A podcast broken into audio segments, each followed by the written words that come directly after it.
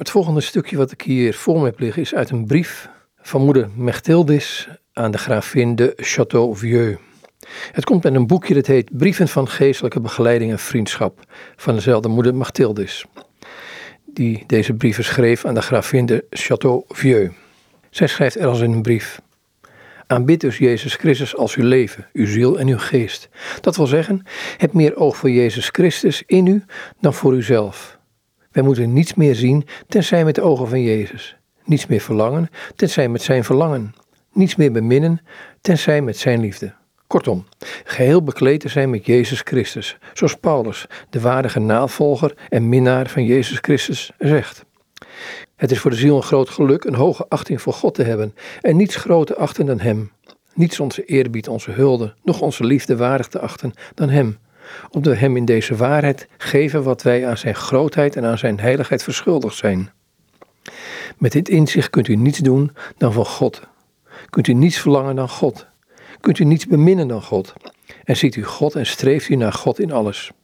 God alleen. Dat wil zeggen dat alleen God in uw gedachten is, in uw woorden, in uw bedoelingen, in uw werken, in uw verlangens, in uw genegenheden. Overal alleen God. God in de droefheid, God in de vernedering, God in het leven, God in de dood. Kortom, God overal. De wet zegt, gij zult de Heere God beminnen met geheel uw hart en met geheel uw ziel, met al uw krachten en met geheel uw verstand. Overweeg dat goed en u zult zien hoezeer u verplicht bent alles aan God te geven, tot de kleinste van uw daden toe. Als u hem op grond van zijn geboden moet beminnen, met al de vermogens van uw ziel, denkt u dan niet dat u hem al uw gedachten, al wat u beweegt en zelfs al de verlangens van uw hart verschuldigd bent? De wet zegt, met geheel uw ziel en met al uw krachten. Als u het gewicht van deze woorden goed beschouwt, bent u zichzelf geheel aan God verschuldigd, vanwege een verplichting die op een gebod berust. Bovendien zegt Paulus u, je bent niet van jezelf, je bent gekocht en de prijs is betaald. U zult op oneindig veel plaatsen in de Heilige Schrift de onmacht vinden waarin u verkeert om over uzelf te beschikken, ja zelfs over enkele gedachten van u, zo u haar niet aan Jezus Christus wilt ontstelen. Maar rechtens kunt u dat niet. U bent gekocht. Wie de boom koopt, koopt de vruchten. U bent dus niet van uzelf. Overweeg die waarheid goed.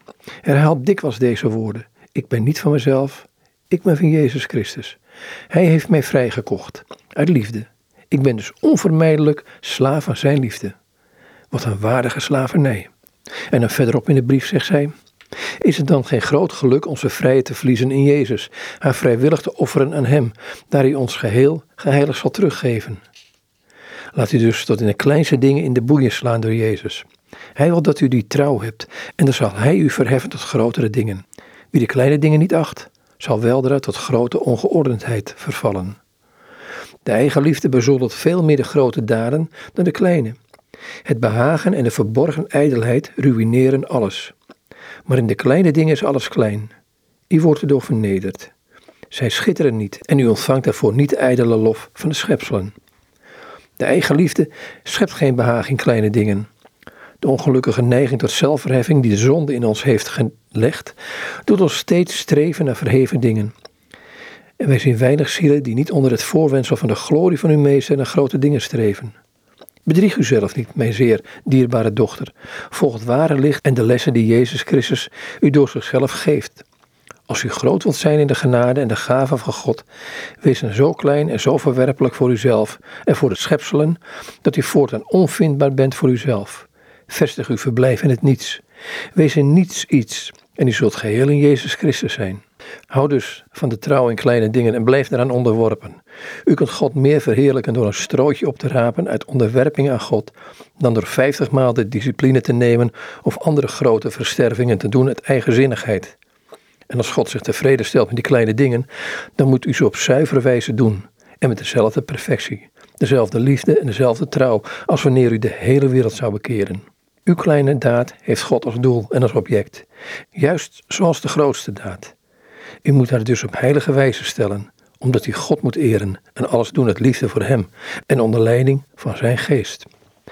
Anders moeder Mechtildis in een brief aan de gravin de Château-Vieux. Althans, het waren delen uit een brief. Het komt in het boekje Brieven van Geestelijke Begeleiding en Vriendschap, geschreven door dezelfde moeder Mechtildis.